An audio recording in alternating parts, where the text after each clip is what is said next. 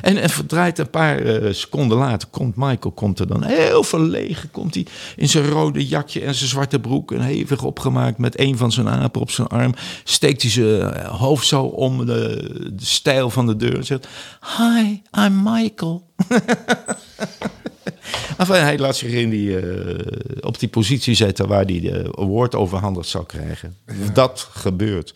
En on behalf of all the children of the world, thank you very much. I love you all, zegt Michael Jackson. Allemaal voordat dat verhaal over die pedofilie naar buiten kwam.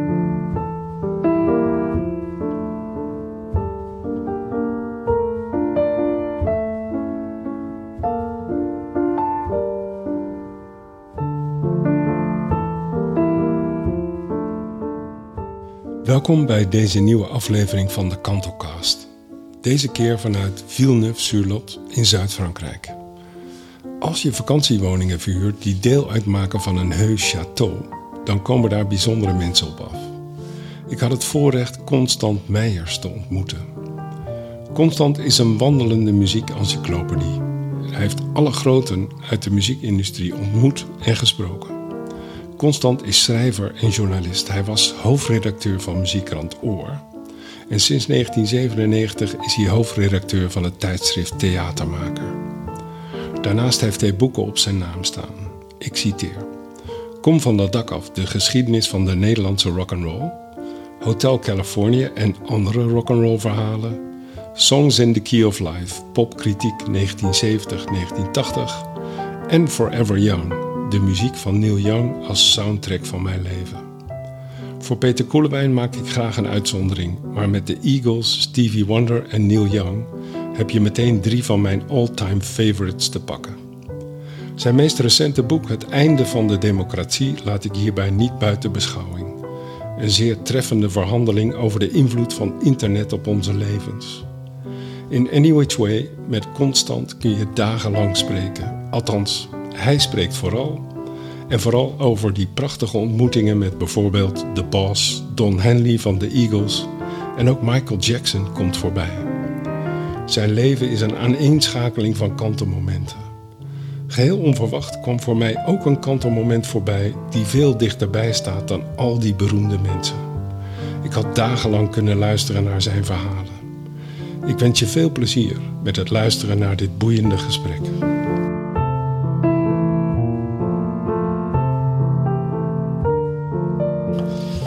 Zo ga ik zitten. Is Ja, dat goed? Heel goed. Oké. Ja. Ja. Let's go for it. Ja. Ik, ik zit hier eh, op mijn zolder in Château Mondou. En ehm, ja, jullie zijn zo'n beetje de eerste gasten van dit jaar, eh, Constant. Ja. Constant Meijers zit hier bij mij aan tafel. En, en dat is niet de minste. Eh, we hebben deze week al een aantal gesprekken gehad. En je bent schrijver. Je hebt volgens mij vijf boeken geschreven. Ja, alles bij elkaar. Ja, ja, ja, waarvan eh, de laatste hier beneden ligt. Die, eh, die is mijn vrouw aan het lezen en dan ben ik aan de beurt. Het einde van de democratie. Mhm. Ehm, heel ander boek dan je die daarvoor geschreven hebt. Dat ging vooral over muziek. Mhm. En de artiesten die jij in je leven bent tegengekomen. Kun je, kun je nog iets meer over jezelf vertellen dan ik nu gezegd heb? Eh, ja, ik ben geboren in 1945 in Leiden. Heb twee jaar in IJsselstein gewoond, bij Lopik. Daarna naar Hilversum verhuisd. Daar Mijn mijn jeugd achternaam. doorgebracht. ja. Ik heet Loopik. Oh ja, ja jij heet Loop, maar met twee O's. Hè? Ja, twee De zender staat eh, in één O. Ja. En, eh, en ja, in Hilversum naar de school, de middelbare school. En in Hilversum ook begonnen met muziek maken in een middelbare schoolbeentje. Dat was eh, aanvankelijk eh teenagermuziek. Dat was eigenlijk een stroming die opkwam eh, in de jaren 50. Ja, eh, overgewaaid uit Engeland en Amerika. En Amerika kende kwam al wel eh, Elvis Presley van, maar eigenlijk liep ene Bill Haley daaraan vooraf. Zeker voor wat betreft de invloed op Europa. ja. Maar die Bill Haley die wordt langzaam maar zeker een beetje weggemoffeld, merk ik. Maar eh, En waarom? Eh, Heeft hij iets verkeerds eh, gedaan? nee, omdat op de een of andere manier, ja, dat- dat- dat- ik haal wel eens het beeld aan van de geschiedenis als een zeef. Ja. Dus daar wordt van alles opgegooid. En die zeef die schudt. Ja. En, en eigenlijk doen wij mensen daar niks aan. Dus die zeef die schudt onafhankelijk. En op een gegeven moment blijven er dingen liggen en er gaan dingen doorheen. Wat een mooie metafoor. ja. ja. En, en, en het kan ook zijn dat jij en ik op een dag door die Ja. zeven heen vallen. Ja, ja, Ja. of al door de zeven heen gevallen zijn. Dat kan ook, maar niet te somber zijn nu. Ja, Eh, nee, Elvis Presley is dan de koning van de rock and roll. En die is alsmaar meer, zeg maar, het begin, eh, het, het gecanoniseerde begin van de rock and roll geworden. Maar dit is hij eigenlijk niet. Want ik heb thuis een boekje. eh, Dat heet Wat was de eerste rock and roll plaat? En daar staan 50 kandidaten in. En, en dat begint al in 1946 met muziek. En eh, een heel bekend eh, liedje is ook eh, Rocket 88 uit 1951. Opgenomen door Ike Turner, de latere man van Tina Turner. Ja, die speelde gisteren piano. overleden is. Ja. ja. En, en, en die produceerde dat. En Rocket 88 stond voor de piano, 88 toetsen. En dat wordt ook wel eens als de eerste rock'n'roll plaat eh, beschouwd. Maar Ja. op een gegeven moment heb je dus Bill Haley, die, eh, ja... kijk, je hebt in, in Amerika heb je eigenlijk twee lagen van muziek. Je hebt de zogeheten majors, de grote maatschappijen. En je hebt de onafhankelijke, want dat is een heel groot land. En in dat land heb je ook allemaal lokale radiostations en lokale opnamemaatschappijtjes en lokale promotors. Dus de lokale mensen namen de lokale muziek op, folkmuziek, mountain music, bluesmuziek en alles meer. En eh, ja, dat werd ook één grote melting pot. En de mensen die die plaatjes verkochten, hun, hun bereik was eigenlijk de, de buslijn die het verste wegging op een dag. Ja, ja, Dan gingen ze met een, een tasje met platen en dan weer terug. En, en dus dat is heel wel grappig als je dat leest. Eh, maar Bill Haley, om op hem terug te komen, die probeerde ook bekend te worden. En eh, het ene plaatje deed hij dan een soort rhythm and blues met, met country. En eh, op de andere kant dan country met folkmuziek. En steeds probeerde hij weer met een nieuwe combinatie te kijken of hij een wat groter publiek kon bereiken. En dat is hem op een goed moment gelukt met het liedje Shake, Rattle and Roll. Ook wederom een zwart liedje. Heel veel uit de muziek komt eh, uit de zwarte achtergrond. Ook de latere eh, explosie in Engeland met de Beatles en de Rolling Stones. Want hun eerste twee LP's staan vol met composities van zwarte muzikanten. Ja.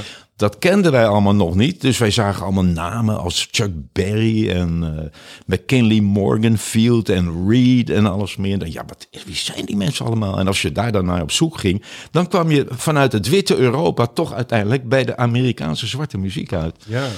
En Bill Haley heeft op een gegeven moment een, eh, een, een, een, een, combinatie gevonden eh, eh, die rock and roll heette. En dat is de grote hit geweest, Rock Around the Clock.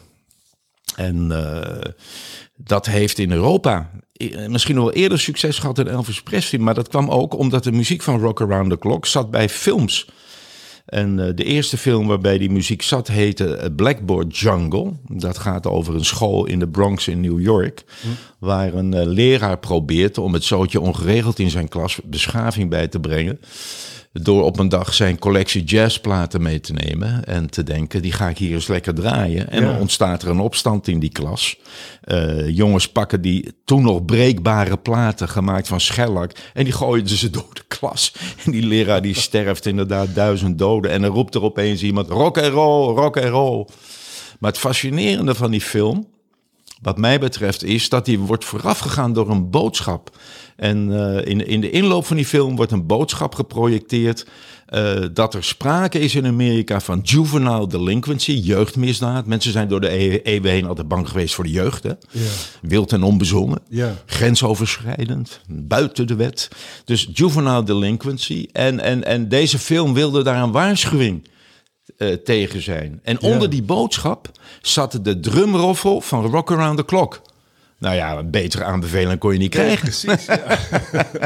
ja. En, en, en, en om het terug te Toen brengen... begon het gedonder al Toen begon het gedonder al, ja, in de glazen. Ja, eh, dat gedonder in de glazen. Want die muziek werd ook wel, er zijn nog filmpjes van... door bijvoorbeeld eh, dominees op radiostations in het zuiden van de Verenigde Staten... echt stuk geslagen, zo'n plaat op de rand. En dan zei rock and roll has got to go. Ja. Weet je? En, maar rock and roll staat natuurlijk voor seks hebben.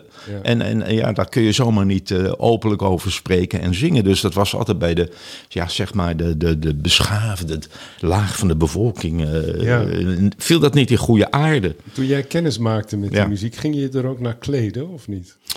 Uh, ja, want ik, ik heb wel een... Ik vraag het omdat ik er heel gevoelig voor was. Ja, ja, ja, ja, ja, ja. Nou ja, ik ben dus begonnen in de jaren 50 met... Uh, uh, kijk, het begint voor mij die rock and roll zeg maar... Na de Tweede Wereldoorlog tot 64, 63, 64, Beatles, Rolling Stones, die, die Engelse explosie. Ja. en daarvoor was het vooral zangers en zangeressen met professionele begeleiding. Met ook jongens die jazz speelden. Dat swingt ook allemaal veel meer als je Roll Over Beethoven van Chuck Berry beluistert naast de uitvoering van de Beatles, dan hoor je het verschil in het raffinement van het ritme. Ja. Ja, ik kleedde me ernaar, want wij in Europa hadden als voorbeeld Cliff Richard. Cliff Richard en de Shadows. En uh, je zou het ook zo kunnen zien. Uh, in principe gingen wij allemaal de jeugdbeweging in. De welpen, padvinders, verkennerij en noem maar op. Want dat was allemaal dan, uh, was ook een heel uh, veel gebruikte term, jeugd in het gareel. Je moest de jeugd in het gareel zien te houden. Ja. En uh, die, die, die, die rock and roll die was daarvoor een bedreiging, maar de jeugd om tegen de ouders in te gaan. Want de jeugdbeweging was onder leiding van volwassenen. Jan Vrijman, die ik ooit heb geïnterviewd voor een programma hierover, die zei ooit: Ja, die officiële jeugdbeweging, dat waren oude mannen in korte Manchesterse broeken met van die witte benen.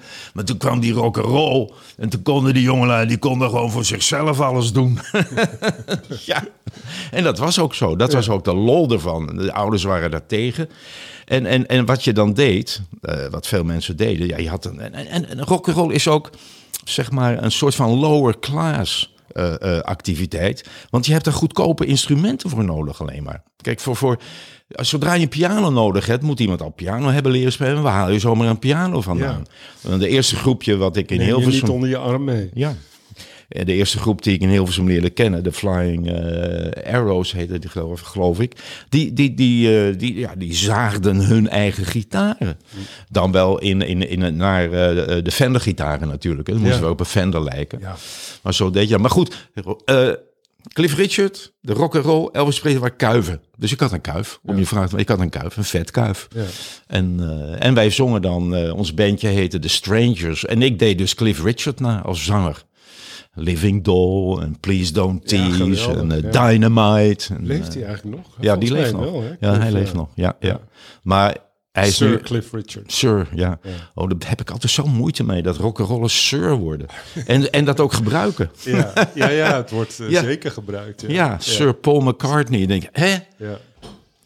You tell lies, baby, I can see. En, ik- en dan een lintje en Sir. Want dat hoort toch niet bij elkaar?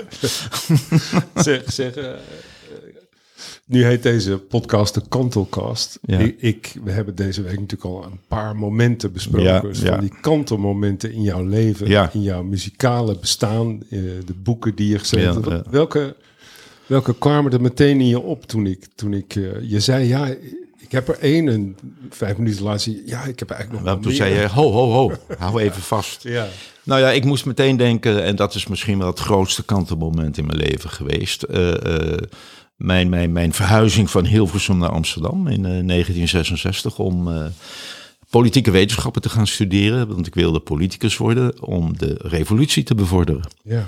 Want het was de geest van de jaren zestig, eh, zogenaamd anti-autoritair, et cetera, et cetera. En we waren net die naoorlogse generatie jongeren die zo groot in getal was, dat je gewicht in de schaal kon leggen. Ja. En, en, en, en dat is voor een belangrijk deel is dat ook een, een, een eigen laag in de economie geworden. Want kijk, een samenleving eh, eh, gaat van de ene generatie in de andere. En als het een beetje mee zit op een vreedzame manier. Maar het aantal nieuwe mensen na de oorlog, de babyboom-generatie, was te groot om in de bestaande samenleving in te passen.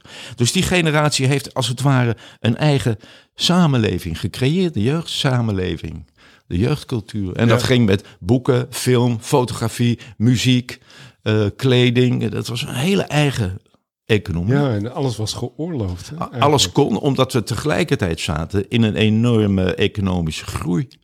Eh, dus iedereen kreeg makkelijker geld. Eh, je kon overal wel een baantje vinden. Je kon ook zelf je business starten. Dat was Ja. niet zo ingewikkeld. Wat ik ook ben gaan doen met een eh, muziekblad op een goed moment. Maar mijn kantelmoment is om van Hilversum naar Amsterdam te gaan. Politiek te gaan studeren. Eh, maar de, de, de kern van het moment is dat ik vanaf dat moment, of op dat moment, voor mezelf besloot dat ik mijn hele verleden achter me liet. Ik had een uh, nogal katholieke opvoeding, uh, kwam uit een klein burgerlijk middenstandsmilieu, wat me altijd al een beetje te nauw zat op de een of andere manier. Ik wist niet precies wat, maar ik voelde me niet zo lang.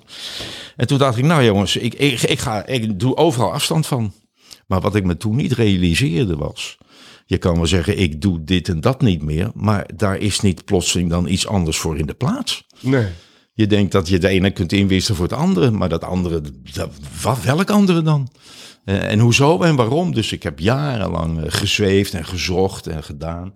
Heeft zeker tien jaar geduurd voordat ik een uh, soort van nieuwe basis had. Ja, en, en hoe zag die basis er toen uit? Uh, nou, dat, dat, komt eigenlijk nog meteen een, niet eens kleiner, een tweede kantelmoment bij. Want uh, mijn moeder had mij stellig afgeraden om politieke, politieke wetenschap te gaan studeren. Jonge politiek, dat is vies, dat moet je niet doen. Ja. En uh, ja, hoezo en waarom? geef een toelichting, maar die kwam niet. Maar toen ik een paar jaar studeerde, toen hoorde ik opeens uit de familie dat de kant van mijn vader in de oorlog bij de NSB had gezeten. Mm. En uh, dat heeft mij een ongelofelijke dreun gegeven. Ja. En ja. Uh, toen begreep ik ook waarom mijn moeder dat had gezegd. En uh, ook een soort van waarom wonen wij van Leiden in Hilversum? Later dacht ik, mijn ouders zijn zelfs binnen Nederland nog vluchtelingen om aan die smet van die oorlog te ontkomen. En, en, en ik heb, nou, totdat ik een jaar of 4, 55 was, heb ik eigenlijk toch altijd wel een beetje met mijn hoofd tussen mijn schouders gelopen. Omdat ik bang was dat ik, dat ik zou worden ontmaskerd. Ja. Als een nazaat van NSB'ers. Ik kan er niks aan doen, want ik ben pas eind van de oorlog geboren. Maar opeens geloof ik dan wel even in zo'n Bijbelverhaal dat het tot zeven generaties zal blijven doorgaan. Ja. Ja. En heb je er last van gehad? Zijn er mensen die je erop afgerekend hebben? Nou, nee, maar ik heb er wel. Ik ben, ik ben er heel lang bang voor geweest. Ik uh, zat in een journalistengroep bijna el, elke maandag van de. Van Nee, ja, elke maandag hebben we dat jarenlang gedaan. Nu doen we het elke eerste maandag van de maand. Met, met mensen als Bert Fuisje, die was dan uh, hoofdredacteur van HP. En later de Volkskrant ook een Joodse vader gehad. Dus ik, en ik zat op een gegeven moment bij een Joodse groep elke zaterdagmiddag te borrelen. Uh, want met mijn achternaam dachten ze aanvankelijk, nou, dat is er een van ons. Ja. Met Meijer, Meijers. Ja. En, en, was, en ik dacht, oh jezus, als er maar niet achter komen, dan, ben ik, dan word ik gewoon uitgestoten. Dus Ja. Ik ben altijd bang geweest te worden uitgestoten. Dus aan de ene kant was ik voortdurend bezig om, om, om, om, om ja, zeg maar mijn achtergrond om te zetten in iets waarvan ik dacht, nou, dat wil ik liever zijn. uh, dus iemand met een opleiding en iemand die uh, ja, dingen kan bedenken en dingen kan realiseren. En, en, en, en daartegenover stond dan die angst om dat dan weer uh, naar buiten te brengen. Dus een Ja. wonderlijk soort bestaan. En hoe ben je ermee in het reinen Nou, gekomen? ik ben ermee in het reinen gekomen omdat op een goed moment Sietse van der Zee, uh, oud hoofdredacteur van het Parool, een boekje schreef uh, met titel Zijn adres, uh, Huppel de Pupstraat zoveel. En dat was een straat vlak achter waar ik woonde in Hilversum. Potgietelaan 14 of zoiets. En, en, en toen dacht ik, wacht even.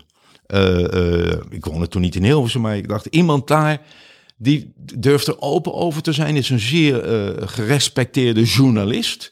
Ik dacht, nou, als hij het durft, dan ga ik het nu ook durven. Ja. En, en toen ben ik ook wel met Bert Vuijsje gaan praten. Ik wil afspraak met je maken, ik wil je dit vertellen en alles meer. En uh, toen, zo ben ik er, uh, ik ben het eerst naar buiten gaan brengen en gaandeweg ermee in het reinen gekomen. Ja, nou, in het reinen komen, ik heb het geaccepteerd. Ja. Ik kan niet zeggen dat ik ermee in het reinen ben gekomen, want, want, want ja, het is iets wat je afkeurde. Ja, ja, nou ja, je begrijpt het niet. En, en, Nee. en, en waarom. En, en mijn vader wilde er niet over praten. En, en ooit heb ik hem daar één keer mee geconfronteerd. En toen gaf hij als antwoord: Ja, maar jongen. Uh, in die tijd hadden we niet zoals jullie nu allemaal kranten, en radio en televisie. En ik weet nog dat ik toen zei: Ja, haha, maar nu begrijp ik waarom iedereen in dit land bij de NSB zat. maar, beetje hard, maar, maar ja. Uh, ja, maar ik was echt, uh, nou, ik ben er echt onder gebukt gegaan. En toen op een goed moment zei mijn moeder, ik wil een keer met je praten. Mijn moeder was helemaal geen prater. En ook geen knuffelaar. Uh, ik ga je de kant van mijn familie vertellen. En dan bleek mijn moeder weer uit een familie te komen met broers die in het verzet hadden gezeten. Maar dan hoor je op een gegeven moment ook dat die jongens dan zeiden, nou, als er uh, straks een bevrijding is, hopen we niet dat we jouw familie moeten hoeven oppakken. Mijn ouders zijn ook niet in Leiden getrouwd, maar in Zandpoort, wat ik ook pas veel later heb gehoord, omdat anders de helft van de familie niet zou komen om bij die NSB'ers in de kerk te zitten. Ja, ja. Dus het is wel een, uh, een dingetje hoor. Ja, dat is. Ik ben al lang mee bezig, omdat er ook steeds weer nieuwe informatie kwam. Ja, en het, het, het achterhaalt je ook op momenten. Ja. Uh, het lijkt wel. Ja, ja. ja. Iets en, wat uh, ja. voor mij bekend klinkt trouwens, ja, want uh, de psychiatrie is mijn wereld. Ja, en, ja.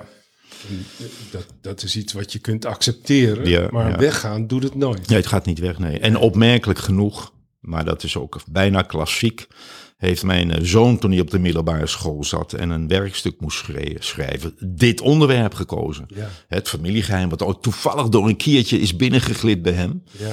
En die is dat allemaal gaan uh, uitzoeken bij het uh, Nationaal Archief. Ja. Dan moest je ja. opnieuw het gesprek aan. Nou ja, uh, niet met mijn ouders, maar, maar ja, ook dat was, weet je, dan ben ik, zijn we alweer zoveel jaar later. En dan belt mijn jongste broer me op van ja, ik hoor dat jouw zoon bezig is, maar, maar ik, ik zou dat niet doen als ik hem was. Hmm. Ik heb hem ook gebeld om het hem af te raden. En ik denk, oh, hoe dat allemaal speelt en hoe dat maar ja. door blijft gaan. Ja. En mijn zoon werd er natuurlijk ook niet vrolijker van, want uh, ik, dan haal ik graag het boek Prediker aan, een spreuk. Wie kennis vermeerdert, vermeerdert smart. Hmm. Dus inderdaad, hij heeft wel veel boven water gehaald. Eigenlijk geen dingen die heel ernstig waren. Maar ze waren natuurlijk diep teleurstellend. Ja. Uh, zo had hij ook. Mijn vader heeft na de oorlog een maand of zes, geloof ik, vastgezeten. En is ook verhoord, net als de vader van mijn vader, mijn opa. En dan lees je dat mijn opa was dan wel een fanatieke aanhanger. Maar mijn vader was eigenlijk meer een meeloper, een soort slappeling. Dat Jezus. Dan is mijn vader ook nog eens een keer, heeft hij er niet voor gestaan? Weet je, vond ik dat weer teleurstellend. In plaats van, nou, het valt wel mee met mijn vader. Ja, ja, ja. ja. ja. Ja, ja, dat kan je op meerdere manieren ja, ja, ja, ja, ja, ja, ja. Het is, maar goed, dat, dat, is wel een, dat was een eerste kantelpunt inderdaad, ja. Met Ja. een hele lange nasleep. Ja, nee, Ja. precies. Ja, Eh, want eh, ik, we hebben het over de, de grote artiesten gehad die jij ontmoet hebt in je leven. En, ehm, en dit verhaal kende ik eigenlijk niet. Ehm, ik stelde me ook voor hoe, hoe jij was toen je bijvoorbeeld Bruce Springsteen ontmoette. Ik, ik dacht, ik zat net te denken, nou, je zou toch eigenlijk ook een beetje een rowdy boy moeten zijn om met die rockartiesten Hm. aan tafel te kunnen zitten. Maar ik, jij bent helemaal niet zo. Nee. Je bent een zeer beschaafde man, eh, eh, erudiet. Ehm, eh, is dat eigenlijk een van de redenen dat die artiesten graag met jou aan tafel zaten? Is dat, eh, Eh, waar- waarom nou, denk kijk, je dat dat is? nou ja. waarom jij zoveel ingang hebt gehad bij mensen? Maar niet die- alle artiesten zijn van de straat. Dus Nee, er zijn ook heel veel waar. artiesten Ja. eh, die zijn toch van een soort van middenklasse. Ja, Lage middel of hogere middenklasse. En, Ja. en, en, en eh, die hadden college gedaan. Of high school gedaan. Hollywood High of iets, begrijp je. En eh, daar hadden ze elkaar getroffen en een bandje gevormd. het is weer een misvatting van mij dat je altijd aan de drugs of drank moet Ja, zijn. ja, ja, ja, ja, ja. Dat komt er vaak pas later van. Als je door al die tijdzones heen beroemd moet bent, en beroemd bent geworden, dan weet je niet waar je zoeken moet. Ja. Maar nee, ik kwam eh, vanuit mijn studie op een goed moment. Ik was na politieke wetenschappen toen ik had bedacht dat ik geen revolutie wilde. Want dat kan ook de een, een revolutie zijn die ik helemaal niet wil. Ik denk, jemie, nee, dat moet niet. Je moet gewoon geen revolutie hebben. Een regering moet gewoon zorgen dat de zaak een beetje rustig blijft. en van de ene generatie in de andere redelijk vreedzaam doorloopt. Dus dat vind ik dus primair. Ik denk, ik ga sociologie doen. Ja. En toen kwam ik in sociologie terecht in een werkgroep rock als object van cultuursociologie. Al eind jaren 60 was dat er al. En daar vormde ik een, eh, een, een- duo met Jan Donkers over rock and roll teksten, de ontwikkeling van de rock and roll teksten. Ja. Van, van eh, liefdesliedjes in de jaren 50, Everly Brothers en alles meer.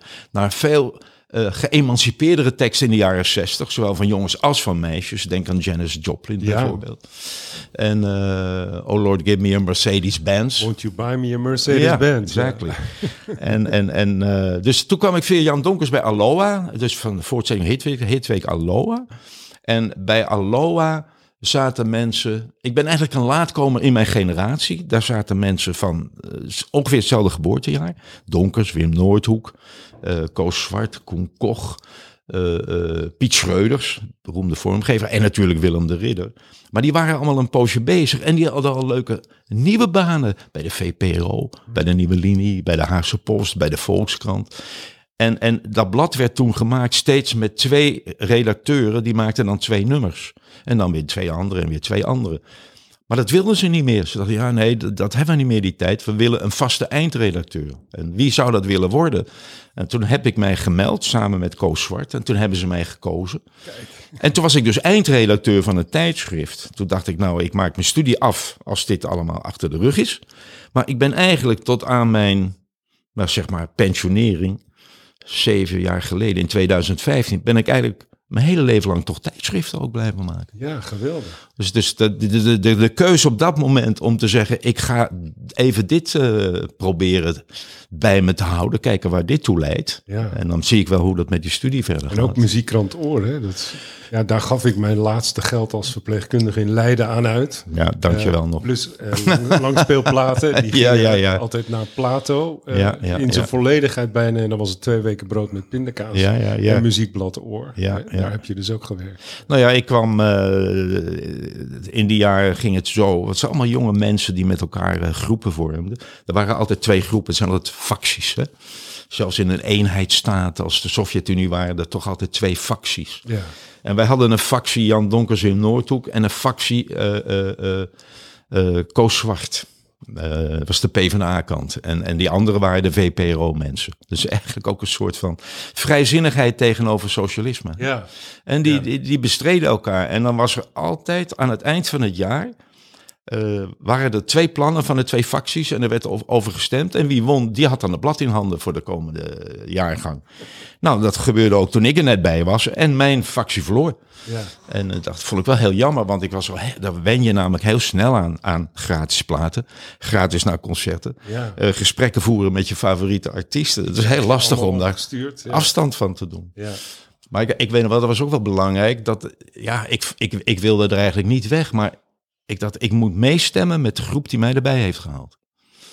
Ik denk, dan, maar- dan, maar niet meer. Maar ik ga niet, eh, want met die achtergrond, ik stem mee met de mensen die erbij hebben, Ja. erbij hebben gehaald. Loyaal. Ja. Loyaal. En vandaar ben ik toen overgestapt naar uh, Muziekrand Oor. En daar heb ik eh, mijn toenmalige enthousiasme, wat door anderen ook wel fanatisme wordt genoemd, heb ik weten om te zetten in een enorme groeistimulans voor dat tijdschrift. Ja. Door echt heel serieus ervoor te zorgen dat we altijd in de avant-garde waren. Eh, We gingen om de paar maanden met de fotograaf naar Londen om de nieuwste groepen te zien en te spreken. En vanaf 74, toen de muziek weer, althans het centrum van de muziek, het zwaartepunt, terug verhuizen naar Amerika. Nu niet naar de zwarte staten, Louisiana, Georgia. eh, maar Californië, de Ja. underground en eh, de Eagles, Crosby, Stills, Nash Young, Frank Zappa, nou, noem al die groepen op. Ik dacht, ja, daar moeten we ook. eh, dus toen ben ik naar eh, Los Angeles gegaan om Ja. daar weer de nieuwste ontwikkelingen te noteren. En Ja, weer een terug van te je nemen. boeken heet ook Hotel California. Hotel Californië, ja, Ja. Dat, dat heeft ermee te maken eh, dat Nederland in de jaren 70 een testmarkt was voor beginnende Amerikaanse bands. Er was een, eh, een promotor, Eddie Tickner, eh, die stuurde allerlei bands naar Europa. En een van die bands eh, was de Eagles. En eh, die waren dus onbekend en die toerden dan in een busje door Nederland met een kratje bier. Kijken of het publiek wat eh, aan ze vond. geweldig. En toen ben ik met ze in contact gekomen al. En, en dat contact heeft zich bestendigd. Dus toen ze beroemd waren, hadden wij nog steeds dat contact. Ja, je hebt een mooi verhaal over Don Henley. Die, die, die heb je van de week verteld. Nou ja, ja. Ja, want, nou ja. En dan sluit ik even aan met een vraag die je eerder stelde over. Ja. Je bent eigenlijk een nette jongen en je komt niet uit de goot, bij wijze van spreken. Ja. Ik ben geen straatjongen, dat klopt. Ik ben een middenstandsjongen eigenlijk van huis uit. ja. Dat is ook altijd tricky hoor, middenstand. Ik weet wel, mijn moeder vond Het altijd is eh, dat. trouwens geen oordeel. Hè? Nee, nee, maar mijn moeder dacht altijd: wij zijn de belangrijkste stand van de middenstand, verbindt de hogere stand met de arbeidersstand. En eh, dat was een groot misverstand, heb ik uiteindelijk gemeente moeten vinden. Ja. dat standenverhaal. Maar eh, eh, dat verhaal. oh ja, nee. Kijk, Een nette wat ik, jongen. Ja. Een nette jongen, ja. Wat, wat, ik, wat ik wilde, wat ik probeerde met, met, met de artiesten die ik sprak, was om een gesprek aan te gaan. Dus niet eh, wat is je favoriete kleur, eh, vrouw, eh, eten. Ja. Maar dan nam ik een, een, een thema uit een plaat van een liedje of wat dan ook. En ik bleef ze volgen. Dus ik, er ontstond een, een vervolggesprek steeds weer. En dan is het een doorgaande discussie. En dan kun je steeds teruggrijpen en, en verwijzen naar en reflecteren op. En zo zat ik op een goed moment, daar vraag je naar, met Don Henley en Glenn Frey in een prachtige villa in de Hollywood Hills eh, voor een interview. En, en, en toen had ik eh, bedacht als gespreksthema, want kijk, toen ze in Nederland speelden, moesten ze applaus bereiken. Maar toen ze eenmaal doorgebroken waren, onder andere met Hotel Californië, kwamen ze al met publiek applaus op, met veel applaus op, hè, onder gejuich. En ze hadden een liedje op hun eh, plaat staan, over Hotel Californië ook op staat, After the Thrill is Gone. En ik zeg, dat vind ik een heel interessante ingang om eens met jullie te praten over hoe weet je nog dat je kwaliteitsnorm nog overeind staat. Want het publiek geeft dat niet meer terug. Het publiek staat al van tevoren aan jullie kant. Ja. Dus, dus daar kun je niet meer aan afmeten. Ja. Dus wat is jullie yardstick? Dat was het woord wat ik gebruikte. Nou, daar hebben we een tijdje over gepraat. En, en, en, en eh, nou, we gaan weer verder met leven. En, en dit verhaal loopt dan zeg maar twintig jaar later. Misschien 30. Laten we zeggen 20 jaar later. eh, komen de Eagles komen weer naar Nederland. Ik was al lang uit die rock'n'roll journalistiek. Zat inmiddels bij de Omroep. Maakte programma's. En eh, ik dacht, ach, vind wel leuk om die jongens weer eens te spreken. En, en, dus ik sta achter het toneel in de Ahoy in Rotterdam. Een beetje in de schaduw. Dat ik vroeger nooit. Stond ik natuurlijk altijd met mijn grote neus voor ze. En, eh, de- en ik zie Don Henley en Glenn Fry die komen aanlopen om het toneel op te gaan. En die Don die kijkt even naar eh, links en hij kijkt nog een keer. Ben jij constant? Ik zeg, ja. Hij komt naar me toe. En het eerste wat hij zegt is niet eens hallo of iets. Hij zegt, we still got the yardstick. ik denk, wauw.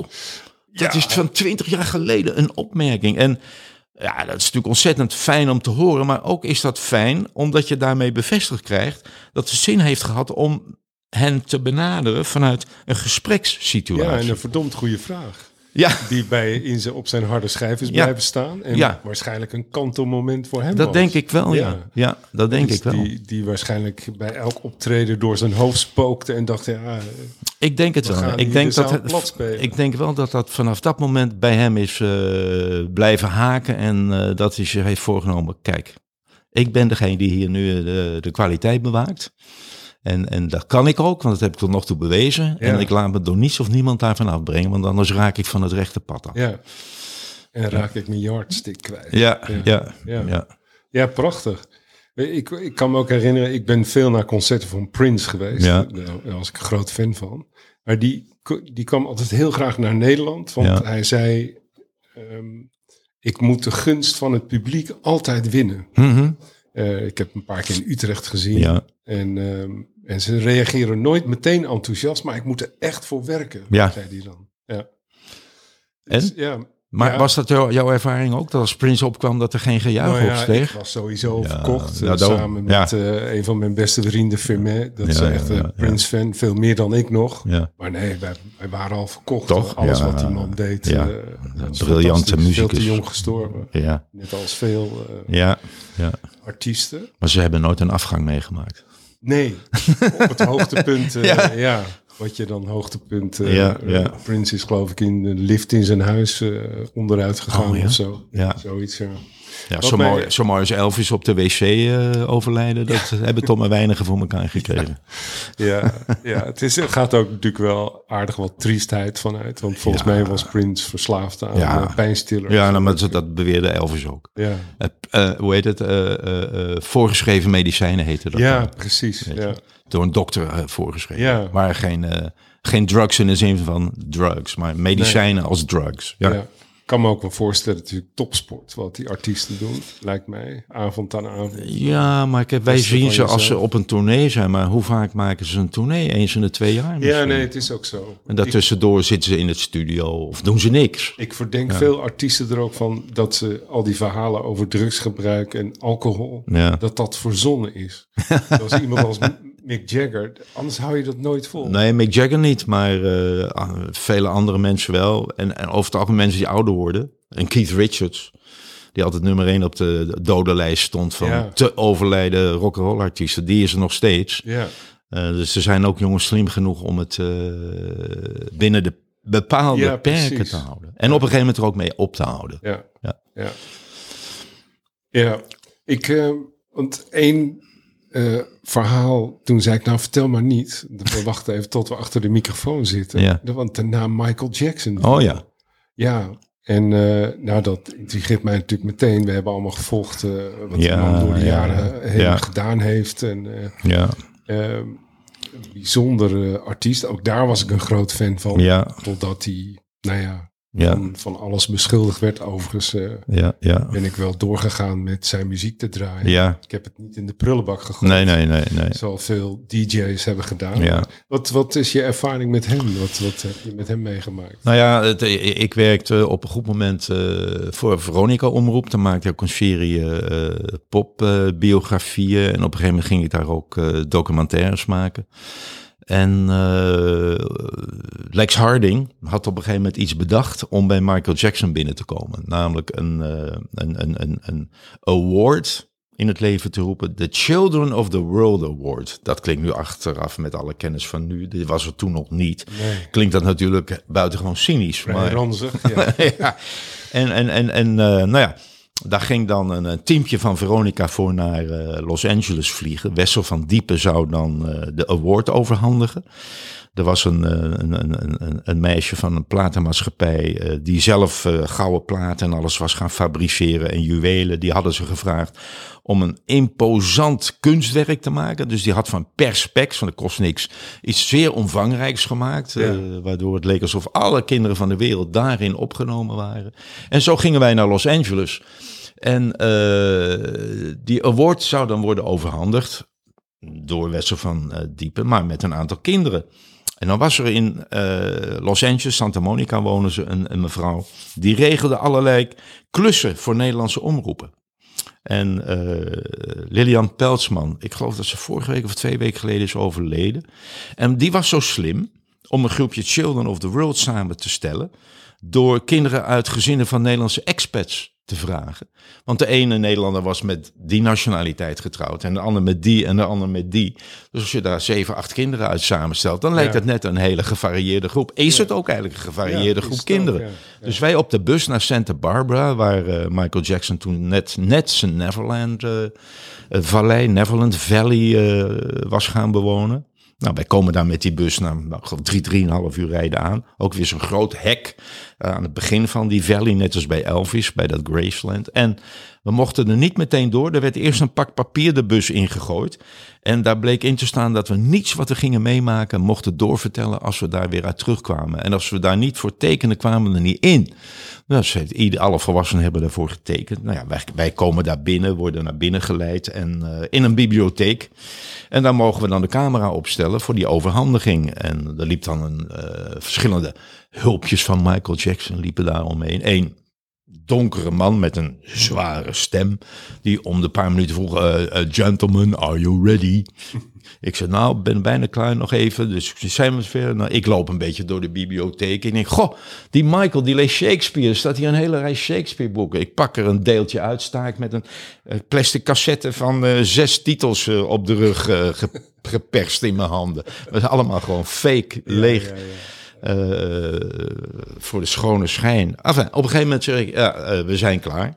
Can I get Michael? Ik zeg, yes, we're ready. De, de man loopt eh, de bibliotheek uit. Hij slaat af naar links. Blijkbaar is er al heel snel een volgende deur, want ik hoor hem al heel snel op een deur kloppen.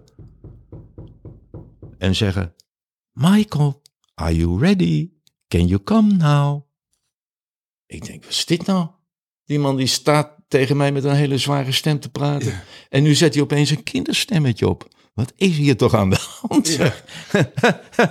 en, en verdraait een paar eh, seconden later komt Michael komt er dan heel verlegen. Komt hij in zijn rode jakje en zijn zwarte broek. En hevig opgemaakt met een van zijn apen op zijn arm. Steekt hij zijn eh, hoofd zo om de, de stijl van de deur. En zegt, hi, I'm Michael. enfin, hij laat zich in die, uh, op die positie zetten waar hij de award overhandigd zou krijgen. Dat gebeurt. En on behalf of all the children of the world, thank you very much. I love you all, zegt Michael Jackson. Allemaal voordat dat verhaal over die pedofilie naar buiten kwam. Ja. Ja. En, en, uh, maar goed, toen kregen we daarna een, een, een uh, rondleiding door het huis. Uh, met een van de personeelsleden voorop en Michael achteraan. Daarna gingen we in twee golfkarretjes gingen we naar een, een, een gebouw midden op het terrein in de vallei. Want daar was dan een uh, dansstudio, vertelde daar. Dus met een bar en een spiegelwand. Dat hij daar elke zaterdag of zondagochtend zijn moves uh, uitvond en oefende. En aan de andere kant van die hal was dan een privébioscoop. Toen gingen we weer terug naar het huis. In de keuken kregen al die kinderen kregen patat of iets. En toen mochten ze Michael vragen stellen. Nou ja, maar die kinderen die waren natuurlijk helemaal uh. Ja. Maar ik sta dus naast mij. Ik zeg, kom, uh, ja, maar vraag, stel een vraag. Dit is toch uh, je kans. Ja. En toen vroeg dat meisje aan, aan hem of hij het niet moeilijk vond dat hij nooit zomaar meer naar buiten kon. En toen antwoordde Michael Jackson, nou nee, eigenlijk niet. Want ik ben dit al gewend vanaf dat ik heel jong was. Ik kan eigenlijk al vanaf dat ik kind was nooit naar buiten. Hoewel, zei hij, soms als ik echt wil, dan uh, uh, vermom ik me helemaal en dan ga ik toch wel even naar buiten toe. Maar normaal gesproken niet. Nou, dat, dat, dat onthield ik allemaal. En we kwamen terug in, in L.A. En ik had daar een, een jongen leren kennen van een platenmaatschappij. En ik denk, ik moet meteen vanavond die jongens spreken. Het eerste wat ik deed was naar een boekwinkel gaan. Wij kregen namelijk bij het afscheid allemaal een plastic tas met een afbeelding erop van een landschap met een maan en een jongetje op de tak van een boom. En daarin zat allemaal schrijfpapier, enveloppen, schrijfblokje en alles meer. Ja, wat het ook uh, mogen zijn. Maar goed, ik denk, ik ken dat beeld, ik ken dat beeld. Dus het eerste wat ik doe is naar een boekenwinkel gaan in Santa Monica. En naar boeken van Peter Pan zoeken. Er stonden er drie, meteen alle drie gekocht. En verdraaid, die beeldenis, die leek dus heel sterk op Michael Jackson. Michael Jackson beschouwde zichzelf als de reïncarnatie van Peter Pan, denk ik. En een aantal tournees later kwam hij ook vliegend op als een soort Peter Pan. Dus dat, dat vond ik allemaal heel, heel spannend. En toen ging ik met die vriend van mij, die dus uh, ook heel veel artiesten had ontdekt, onder wie, uh, althans geholpen, uh, bekend te worden, onder wie Bruce Springsteen, over wie je eerder sprak. ze zaten te praten over die opmerking van Jackson, dat hij eigenlijk al zijn hele leven niet beter wist dan dat hij, ja, dat, dat hij de straat niet op kon. En, en, omdat wij dus al heel vaak in, in die artiestenwereld hadden meegemaakt dat als jonge jongens beroemd werden, dat ze dan een beetje gek werden, mm kwamen we al pratende tot de slotsom. Kijk, als je op een goed moment door de massa wordt opgetild tot een ster, en dan ben je ook eigenlijk letterlijk een ster. Dan sta je hoog boven de massa aan het firmament. En dan kijkt niemand je meer in je ogen. Iedereen kijkt naar je op. Ja. En, en dat ontneemt eigenlijk je uh, mogelijkheid om onder de mensen te zijn. Je kunt niet meer onder de mensen zijn, ook al wil je de mensen staan je dat niet meer toe. Dus je bent eigenlijk een soort gevangenis geworden. En je verliest die identiteit. En je verliest je, en je kunt niet verder groeien. Je kunt je karakter niet verder ontwikkelen. Je bevriest. De dus dacht ik, Michael Jackson is in feite psychisch bevroren toen hij een jaar of zeven was na die hit Ben. En, en, en, en, en nou ja, ik, ik, ik ga die pedofilie niet goed praten, maar, maar uh, ik, ik, ik kon daar wel begrijpen waar het uit voortkwam. Ja. Uh, dat enerzijds is het ook de man die nadat Paul McCartney bij hem op bezoek was geweest.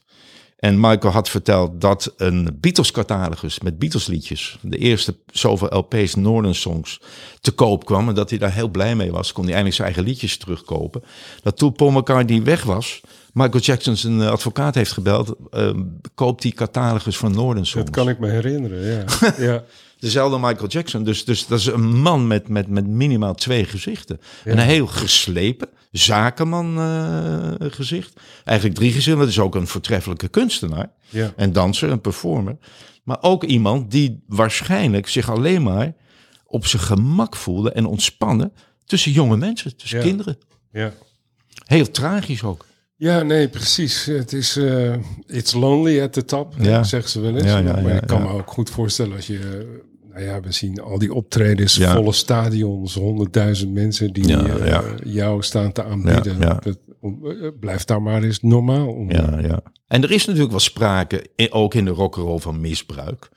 eh, en Ja. grensoverschrijdend gedrag. Maar dat is met volwassen meisjes. Ja. Er is heel veel gerommeld bij meisjes en jongens, maar die zijn dan in feite volwassen. Dus die kun je dan daarvoor niet, eh, die artiesten niet voor aanklagen. Maar ja, die jonge jongens wat in die documentaires zagen. En, en wat ik dan eh, toch altijd weer frappant vind, en dat is niet alleen daar, maar dat is in vele omgevingen. Eh, alles wordt gericht op die ene persoon. Maar dan zeg ik altijd, de hele omgeving heeft ervan geweten. Ja. Dit is En gefaciliteerd. niets gedaan. En niets gedaan of meegeholpen. Ja. Kijk, als die ouders van een van die jongens, eh, die dan de vriend van Michael was, eh, in het begin in een kamer naast hun zoon worden ondergebracht. ja. Maar de paar keren daarna Ontluisterend, hè? op dat. een andere verdieping of in een ander hotel onder het mom, we hadden geen kamers eh, meer. Ja. Dat was allemaal om Michael in staat te stellen om. Ja. Dus die hele omgeving eh, is in feite mede schuldig. Ja, absoluut. Ja. Wat hem niet vrijspreekt. Nee, nee, nee, nee Ja. maar dat, hij is niet de enige schuldige. Nee. Ik zit even naar de Ja. tijd te kijken, constant, want eh, het is pizza night vanavond. Ik ga Oh, zo ja. Goh, maken. wat bof ik dat ik hier ben. Zo.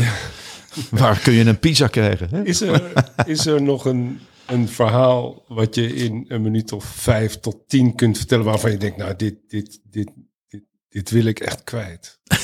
Want je hebt zoveel meegemaakt. Je Ja. bent een soort wandelende eh, encyclopedie, heb ik gemerkt, de afgelopen dagen. Ja, We kunnen daar hele dagen over praten, over spreken. ja. Wat, wat is de meest, behalve Michael Jackson dan, de, de meest opzienbarende artiest die jij ontmoet hebt? Iemand waarvan je denkt, nou, dit, die Nou, heeft iemand zo'n met- ja. indruk op mij achtergelaten. ja dat, is, dat is Neil Young. Hè? Neil Young. Neil Young Ja. was iemand eh, in de jaren zeventig eh, onbenaderbaar, ongenaakbaar. Eh, die kon je nooit benaderen. Dus was het mijn ambitie om Neil Young te leren En kennen. is dat gelukt? Dat is gelukt. Doordat hij tijdens een tournee in, in Europa, begon in Engeland, in zijn kleedkamer, want de artiesten konden toen eh, gewoon een, een lijstje opstellen wat er in de kleedkamer moest staan. aanwezig moest zijn, ja. Ja, ja, een rider heet dat. Ja, en, en daar stond eh, eh, tequila op van eh José Cuervo. José Cuervo Gold. Hm. En dat hadden ze niet kunnen vinden in Engeland. Dus dan hebben ze naar mensen die van het continent naar Londen kwamen gebeld. Onder wie ik. Of we aan die eh, Jos- José Cuervo konden komen. Ik ben meteen natuurlijk met de toenmalige gele gids, later gouden gids, eh, eh, gaan zoeken en bellen naar slijterijen. Totdat ik dus iemand vond die zei dat hij die had. En naartoe gereden, twee flessen gekocht. En ik dacht, prima, die gaan alleen maar in de handen van Neil Young terechtkomen via mijn handen. Dus ik kom aan op de airport in Londen. Er staat een man van de platenmaatschappij vandaar. Die zei, nou, geef die flessen maar. Ik dacht eerst dat die man mij kwam afhalen. Maar hij Ja. kwam eigenlijk de flessen afhalen. Oeh. Want zonder flessen was hij daar niet geweest namelijk. Ja, maar je had ze wel. Ik had ze wel. Ja. En eh, ik zei, ja, nee, nee, die ga ik helemaal niet aan je afgeven. Want dit is mijn eh, ticket to Neil Young. En toen werd die man een beetje gepikeerd. Zei, ja, wat, wat, wat, wat verwaardig jij je wel niet, zeg, dat jij hier gaat bepalen van wie... Ik heb toch gevraagd om die flessen. Ik zei, oké. Ik had al in Amsterdam gerealiseerd dat het mis kon gaan. Dus ik had een brief geschreven aan Neil Young. Een persoonlijke brief waarom ik hem eh, nou ja, bewonder. En, ik zei, oké, ik geef je die flessen, maar op één voorwaarde. Je moet mij beloven deze brief erbij te leggen. Ja. Nou oké, hij, dat zal ik doen. Nou, ik ga naar een hotel. En eh, de Eagles stonden in het voorprogramma. En die kende ik dus al, zoals je inmiddels weet. Ja. Dus ik denk, weet je wat, ik ga even bij de Eagles buurt. En dan kom ik vanzelf in, in de, in- op de plek waar ze spelen vanavond. En de Eagles, hey, constant leuk, ga je mee naar het concert? Neem jij die auto maar, eh, ga daar maar zitten. En ik mee naar... naar, de concertlocatie. en terwijl de Eagles het voorprogramma doen, ga ik een beetje door die, eh, dat gangenstelsel zwerven. Om te kijken of ik ergens de kleedkamer van Neil Young kan vinden. Nou, die vind ik op een goed moment. En met trillende handen en knikkende knieën klop ik op de deur. Steek mijn hoofd daaromheen. En ik zeg, eh, is die tequila, is die goed? Ik geloof dat hij uiteindelijk niet echt de goede. Maar Neil Young keek op en zei, ben jij die jongen van de brief? Ik zei, ja. Hij zei, nou, dat vond ik een goede brief. Kom na het concert maar terug. Dus ik naar het concert terug en eh, een beetje praatje maken. Zei, nou, we gaan nu naar een club. Ga maar mee, maar geen vragen stellen. No question. No questions. En eh, ik dacht, ja, natuurlijk, no questions. eh, heerlijk. Ik ben erbij. Ik ben binnen. Dus ik ga mee. Ik had dat concert van Neil Young opgenomen. Dat was de Tonight's the Night show. Die pas twee jaar later op LP zou uitkomen. En, en waarvan niemand het liedje kende. De liedjes, niemand kende de liedjes. En dat is ook weer interessant hoe geestig die Neil Young kan zijn. Er was, werd natuurlijk de hele tijd geroepen van Heart of Gold, The Needle and the Damage Done. Ja. Maar hij ging onverstoorbaar gewoon door met liedjes die ze niet kenden. En toen was die show klaar en eh, applaus. En hij komt terug voor een toegift. Hij gaat zitten of gespt, gespt zijn gitaar om. En zegt, nu ga ik iets spelen wat jullie allemaal eerder hebben gehoord. Nou, is tegen gejuich op in die zaal. En toen speelde hij het eerste liedje van die avond weer. Tonight's the night. En ja, dat vind ik toch wel te gek. Dan ben je toch ben je Ja. wel een ontzettende coole cat, hè? Ja. Dus ik had het opgenomen en ik kom terug in Amsterdam en ik luister die bandjes af. Ik draai op een gegeven moment een bandje van het concert om naar het tweede deel. En dan val ik in een interview met de Eagles, wat ik ook in die dagen daarna had gedaan. Ik denk, wauw. Het, mijn hart zonk, zonk me in de schoenen. Ik denk, jezus, concert van Neil Young heb ik verkeerd bandje. En ik was helemaal eh, in zak en as. En mijn toenmalige vriendin zei toen, weet je wat jij moet doen? Jij moet gewoon nog een keer gaan, joh. Ik zei, dat vind ik eigenlijk wel een heel goed idee. En toen heb ik de fotograaf Gijsbert Hanekroot gevraagd om alvast een paar printjes eh, mee te geven. Ik zag dat ze sigaren dus nam een lekkere Hollandse sigaar mee. Ik ben weer naar Londen gevlogen, weer via de Eagles meegereden naar de volgende muzieklocatie. En dan kwam ik bij Neil Young en met die foto's en de sigaren. En dat vond hij allemaal prima. Hij zei, nou, ga je naar de show weer mee, naar de club? En, ja hoor, prima. Dus nou ja, dat was allemaal fantastisch. En, en, en zo heeft hij ziet die, die, die, ja, een soort van ja, vriendschap. Mensen zeggen, jij bent een vriend van Neil Young. Zeg, ja, maar hij belt mij nooit. om, om, om zijn advies te vragen Ja, of iets. ja. Maar goed, eh, op een gegeven moment ben ik hem ook gaan opzoeken. In, eh, in, in Californië, waar hij woonde. Ook op de Bonnefoy. Allemaal in kleine eh, eh, weggetjes door de bossen. Als ik niet twee of drie meisjes in een kever was tegengekomen... had ik de verkeerde afslag genomen. Af en ik, allemaal gelukt. Daar een paar dagen gelogeerd ook. En, en, en twee jaar later verschijnt die LP, Tonight's the Night. Ik maak hem open. En het zat vaak in die, eh, in die tijd in de binnenhoeze inlegvellen met teksten of met andere verhalen of wat dan ook. Nou, er zat een klein velletje in, drie keer dubbel gevouwen. Ik maak het open en ik kijk en ik denk, maar dat is mijn verhaal uit de oor. Over die twee concerten. Echt? Want het bizarre was, maar ook het bijzondere, het eerste concert was een enorme teleurstelling. Hij zei nog boe, nog ba. Hij communiceerde niet. En het duurde uren voordat ze een andere eh, gitaar hadden omgehangen en alles. Ik, nou, ik dacht, is dat nou de man naar wie ik zo opkijk? Wat een tegenvaller. En Maar het tweede concert was hij dus fantastisch. Hij praatte honderd uit en alles meer. En toen heb ik ook zo'n dubbelverhaal geschreven. Sometimes I feel like a motherless child. Sometimes I feel like a king. Begrijp je? En dat bij elkaar was dus een prachtig verhaal eigenlijk. En, Ja. en, en eh, nou ja, door, ja, ik, woonde toen op een flat in de Bijlmermeer. En nou, ik dacht dat het dak zich opende en dat ik drie kilometer eh, de, Ja. de lucht in werd gecatapulteerd. Nou ja, dat, dat zat ik ook meteen te denken. Want, eh, maar, maar jij eh, hebt je zelf niet tot het sterrendom verheven, wat makkelijk had gekund. Op basis van je ontmoetingen, je interviews en de boeken die je geschreven hebt. Ja, je bent een, een born storyteller. En dat heb ik deze week gemerkt en merken we ook nu weer. Dat je, Dus ja. ja zeer bedankt. Voor, eh, nou ja, voor deze afgelopen Graag dagen in ieder geval. En, en Jij ook zeer bedankt. Wat een fijne kennismaking. Ja, nee, absoluut. Eh, Nog net op tijd. Net op tijd, ja. En eh het is altijd natuurlijk maar afwachten of die opnames goed zijn. Ja. Dat is van Neil Young, maar goed, dat gaan we weer zien. Kunnen we al nog Staan over op een geheugenkaart, hoop ik. En ik heb een extra backup. Eh, heel goed. Ja, Dus eh, zeer bedankt. graag gedaan. En ehm, ja, ik, eh, ik, ik ga, want ik heb niet één boek van je gelezen. Nou, Nee. beneden ligt er Ja, een, het ja. einde van de democratie. Die Ja. ga ik lezen. En die andere ook, want dat Hotel Californië, dat lijkt me ook geweldig. ja, ja, Ja. ja. Nou, fijn. Yardstick. De Yardstick, ja. Ja, dat is, nou, dat is 60 pagina's verhaal over de Eagles. Daar heb ik een heel lang eh, stuk van gemaakt. Ja, een fijn stuk. Nou, dankjewel en eh à bientôt, j'espère. Bientôt. Merci.